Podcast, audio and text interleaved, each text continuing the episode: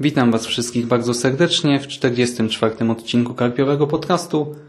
Po tej stronie dyktafonu Szymon Cieśliński i chciałbym Wam dzisiaj krótko zaprezentować moje przemyślenia po lekturze Ciemnej Strony Księżyca Grzegorza Gajka.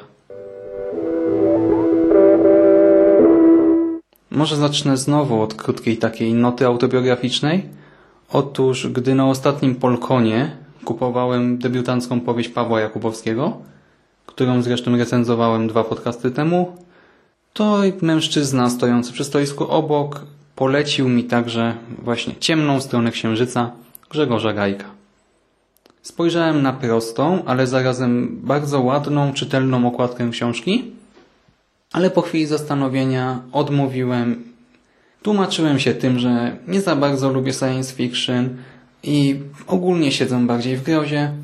Mężczyzna od razu napomknął, że książka Gajka to właśnie nie jest taka zwykła space opera i że zawiera dość rozbudowany wątek rodem z powieści grozy. Jednak nadal nie byłem do niej przekonany. No wiecie, sytuacja była dosyć niezręczna, więc wziąłem książkę do ręki, spojrzałem na tył okładki, przeczytałem opis, przeczytałem pierwszą stronę i dałem się trochę zaintrygować, ponieważ całość zapowiadała się dość niestandardowo. Co więcej, po chwili tuż obok mnie pojawił się sam autor. Uznałem, że w tej sytuacji już nie mam innego wyjścia, jak tylko zakupić książkę. Zrobiłem to i to była bardzo dobra decyzja. Ciemna strona księżyca opowiada o czwórce bohaterów. O czwórce bohaterów, którzy zostali wysłani na kraniec wszechświata, w okolice planety Empireum, by rozwiązać zagadkę tajemniczych zaginień statków kosmicznych. Nazwa wspomnianej planety, Empireum, to słownikowe określenie najwyższej sfery niebios, siedziby Boga lub bogów, a w chrześcijaństwie po prostu określenie nieba. Jej użycie oczywiście nie jest przypadkowe. Empireum to planeta niezwykła, planeta na skraju wszechświata, planeta niezbadana, miejsce, o którym nie wiadomo nic pewnego, Miejsce, w którym być może można spotkać Boga, być może szatana, być może jakąś obcą rasę, cokolwiek innego, a być może nie natrafimy tam na nic. Napotkamy na pustkę, nicość, próżnię.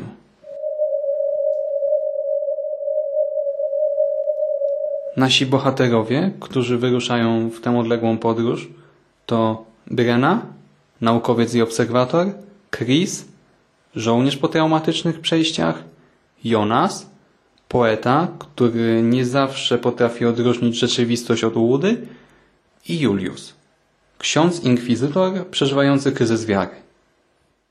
Te cztery bardzo różniące się od siebie postacie reprezentują z jednej strony cztery różne charaktery, z drugiej strony cztery różne punkty widzenia na zdarzenia, które rozgrywają się w toku akcji i z trzeciej strony to także przedstawiciele różnych aspektów cywilizacji. Wiem, że zwłaszcza to ostatnie może brzmieć trochę górnolotnie, patetycznie, ale wydaje mi się, że właśnie tak można interpretować tę książkę i analizować zachowania i przemyślenia bohaterów na każdym z tych trzech poziomów. Jeżeli chodzi o to, jak sklasyfikować tę powieść, to Ciemna Strona Księżyca w moim odczuciu jest taką typową hybrydą gatunkową. Znajdziemy tu zarówno elementy typowej space opery czy hard science fiction, jak i powieści grozy czy powieści obyczajowej. I co ważne, to wszystko tutaj jest na wysokim poziomie i łączy się w jedną spójną całość. Świat wykreowany przez Gajka jest ciekawy, przemyślany, i to, co było dla mnie bardzo ważne, jest on przystępny dla kogoś, kto nie jest takim typowym miłośnikiem science fiction.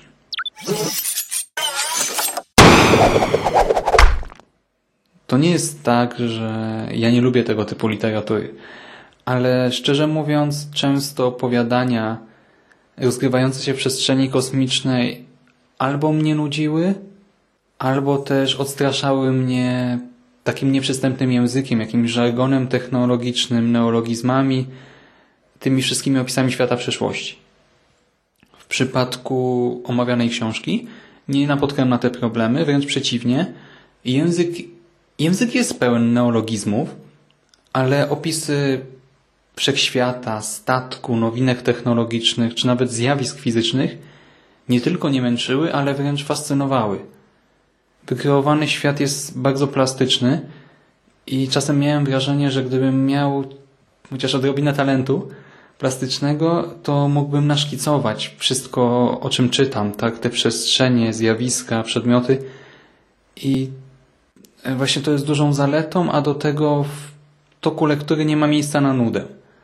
Naprawdę wciągnąłem się w historię każdego z bohaterów i to zarówno w te cztery historie indywidualne, jak i w losy w tej wspólnej ekspedycji. Ekspedycji na krańc wszechświata. A ekspedycja ta jest dość niebezpieczna i nie należy do najprzyjemniejszych. W końcu jej celem jest rozwikłanie zagadki tych nikających statków kosmicznych, pośród których tylko jeden powrócił. Niestety jego załoga była totalnie obłąkana i nie dało się od niej wyciągnąć żadnych informacji. Ta podróż ma jednak jeszcze drugi cel i tym celem jest zbadanie niezbadanego, poznanie nieznanego. A jak zapewne wszyscy wiecie, Lovecraft pisał w swoim eseju o nadnaturalnym horrorze w literaturze, tu cytat, Najstarszym i najsilniejszym uczuciem znanym ludzkości jest strach. A najstarszym i najsilniejszym rodzajem strachu jest strach przed nieznanym. I w przypadku omawianej lektury to sprawdza się i to sprawdza się doskonale. Nie znajdziemy tutaj jakichś krwawych scen walki, mordów, obrzydliwych potworów i tym podobnych. Nie, tutaj straszy pustka, cisza, delikatne stukanie dochodzące z drugiego pokładu, izolacja, jakiś kryzys świadomości, brak odpowiedzi na dręczące nas pytania, ciągła niepewność. Gajek nie bawi się w żadne jumpscares. Zamiast tego stopniowo buduje napięcie i naprawdę chwała mu za to, bo efekt końcowy jest zadowalający. I warto jeszcze w tym miejscu napomknąć, że autor nie opisuje tylko tej ekspedycji, wyprawy, przygody, ale także całkiem sporo miejsca poświęca sylwetkom psychologicznym bohaterów, ich rozterkom, przemyśleniom i w konsekwencji także mniej lub bardziej teologicznym czy też filozoficznym kwestiom.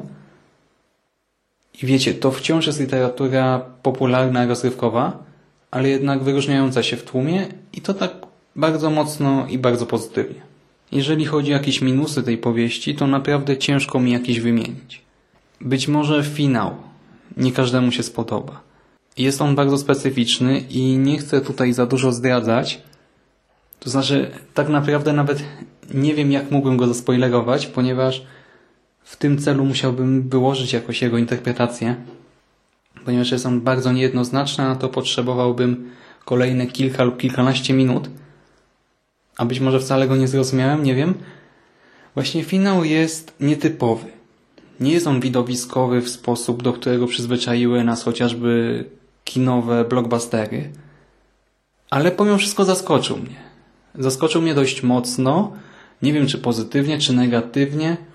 Po prostu było tak, że finał mnie zaskoczył, zaraz po tym powieść się skończyła i tyle.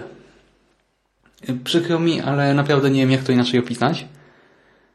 Poza tym istnieje taka możliwość, że niektórych zniechęci podobieństwo do innych tworów kultury. Mam tu na myśli chociażby dzieła Lema czy Simonsa, ale także filmy przykładowo Ukryty Wymiar Paula Andersona. Mnie to podobieństwo nie przeszkadzało, bo no nie ma się co oszukiwać. Powieść Gajka czerpie z różnych źródeł, ale na pewno nie jest wtórna. Być może na kimś oczytanym w literaturze science fiction nie zrobiono takiego wielkiego wrażenia, ale dla mnie jest to jedna z najlepszych książek, jakie czytałem w ostatnim czasie. Naprawdę byłem zadowolony z lektury, z tego, że posiadam książkę w swojej kolekcji.